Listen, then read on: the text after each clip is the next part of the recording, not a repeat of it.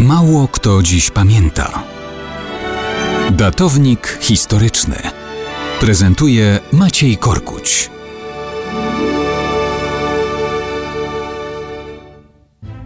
Mało kto dziś pamięta o wydarzeniach z Wiednia z 18 lutego 1853 roku.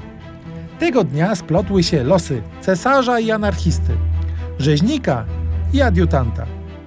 Cesarz to Franciszek Józef I, wówczas młody, zaledwie 23-letni cesarz Austrii, król Węgier, który ledwie kilka lat wcześniej zasiadł na tronie. Anarchista to Węgier Janosz Libeni, który postanowił skrócić panowanie młodego jeszcze monarchy. 18 lutego 1853 roku rzucił się na cesarza z nożem. Zdołał go zranić w szyję, ale śmiertelnego ciosu zadać nie był w stanie.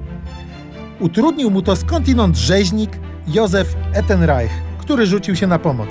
Ale to nie on uratował cesarza. Najważniejszą rolę w udaremnieniu zamachu odegrał osobisty adiutant Franca Józefa o irlandzkim nazwisku Maximilian Karl O'Donnell. Był on potomkiem irlandzkiego arystokraty osiadłego w Wiedniu i nieślubnej córki belgijskiego księcia, również osiadłego w Austrii. O'Donnell został adiutantem cesarza po wieloletniej służbie wojskowej.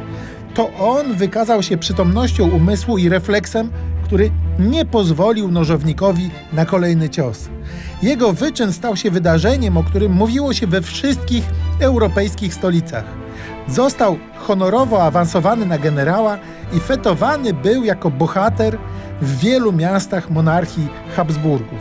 I tak to w jednym miejscu zderzyły się losy cesarza, anarchisty, rzeźnika i irlandzko-belgijskiego adiutanta.